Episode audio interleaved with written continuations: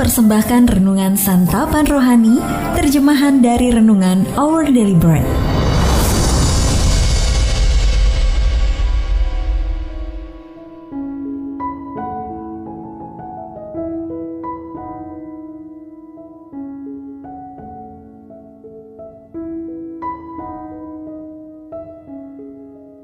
Sahabat ODB, pembacaan Alkitab hari ini terambil dari Daniel pasal yang ke-6 ayat yang ke-11 sampai dengan ayat yang ke-24. Daniel pasal yang ke-6 ayat yang ke-11 sampai dengan ayat yang ke-24. Demi didengar Daniel bahwa surat perintah itu telah dibuat, pergilah ia ke rumahnya.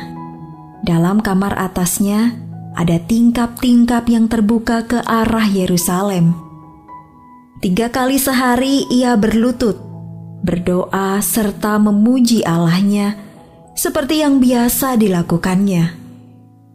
Lalu orang-orang itu bergegas-gegas masuk dan mendapati Daniel sedang berdoa dan bermohon kepada Allahnya.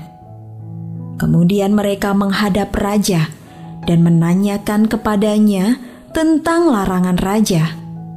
Bukankah Tuanku mengeluarkan suatu larangan supaya setiap orang yang dalam 30 hari menyampaikan permohonan kepada salah satu dewa atau manusia kecuali kepada Tuanku ya Raja akan dilemparkan ke dalam gua singa? Jawab Raja, perkara ini telah pasti menurut undang-undang orang Media dan Persia yang tidak dapat dicabut kembali. Lalu kata mereka kepada raja, "Daniel, salah seorang buangan dari Yehuda, tidak mengindahkan tuanku ya raja, dan tidak mengindahkan larangan yang tuanku keluarkan, tetapi tiga kali sehari ia mengucapkan doanya." Setelah raja mendengar hal itu, maka sangat sedihlah ia dan ia mencari jalan untuk melepaskan Daniel. Bahkan sampai matahari masuk, ia masih berusaha untuk menolongnya.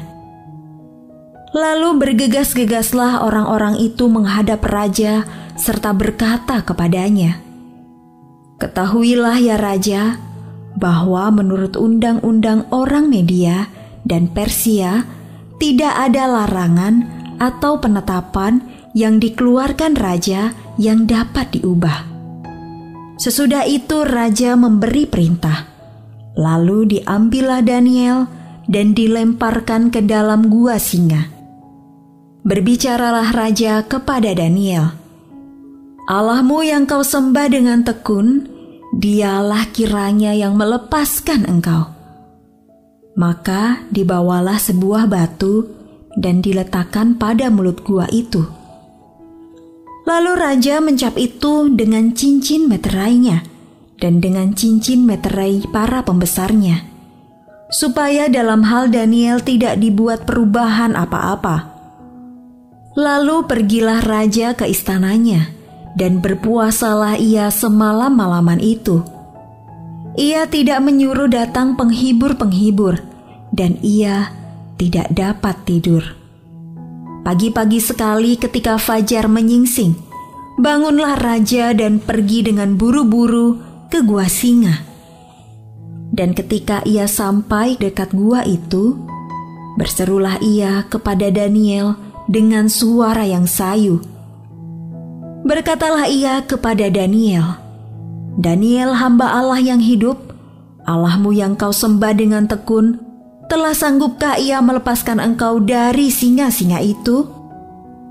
Lalu kata Daniel kepada raja, "Ya raja, kekallah hidupmu. Allahku telah mengutus malaikatnya untuk mengatupkan mulut singa-singa itu, sehingga mereka tidak mengapa-apakan aku. Karena ternyata aku tak bersalah di hadapannya, tetapi juga terhadap tuanku ya raja." Aku tidak melakukan kejahatan. Lalu sangat sukacitalah raja, dan ia memberi perintah supaya Daniel ditarik dari dalam gua itu. Maka ditariklah Daniel dari dalam gua itu, dan tidak terdapat luka apa-apa padanya, karena ia percaya kepada Allahnya. Ayat Mas Renungan hari ini terambil dari Daniel pasal yang ke-6 ayat yang ke-23. Allahku telah mengutus malaikatnya untuk mengatupkan mulut singa-singa itu.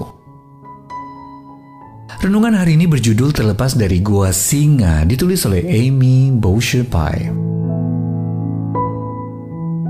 Ketika Taher dan istrinya, Donya, percaya kepada Tuhan Yesus, mereka menyadari ancaman penganiayaan yang bisa mereka terima di negara asal mereka.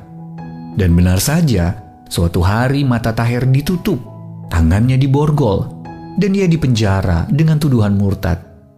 Sebelum diseret ke pengadilan, Tahir dan Dounya sepakat untuk tidak mengkhianati Tuhan Yesus.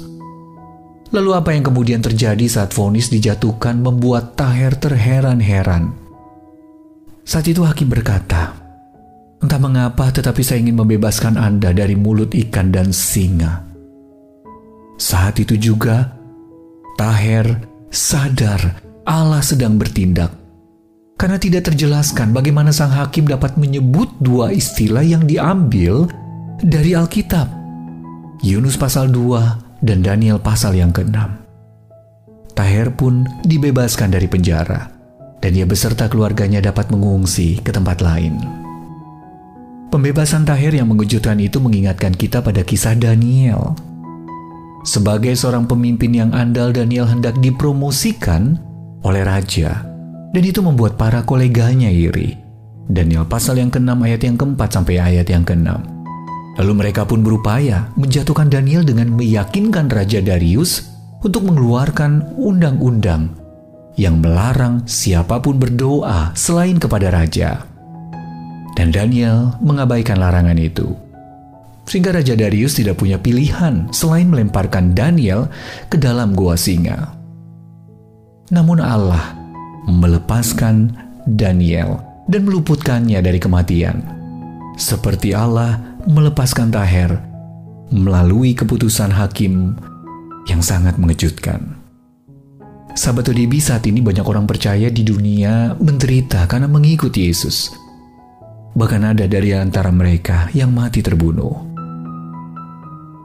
Ketika menghadapi penganiayaan, iman kita dapat dikuatkan dengan memahami bahwa Allah memiliki cara kerja yang jauh melebihi apa yang dapat kita bayangkan. Ketahuilah bahwa Allah menyertai Anda dalam pergumulan apa pun yang Anda hadapi. Sahabat ODB, apa tanggapan Anda terhadap komitmen Taher dan donya kepada Kristus? Lalu bagaimana Anda dapat mempercayai kuasa Allah yang tidak terbatas?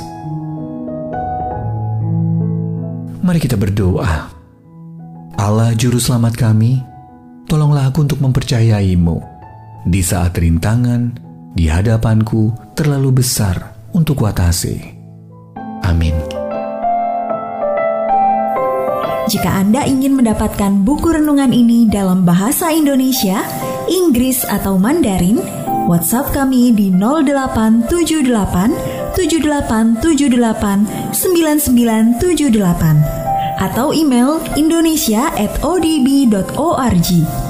Persembahan kasih dari Anda memampukan Our Bread Ministries menjangkau orang-orang agar diubahkan.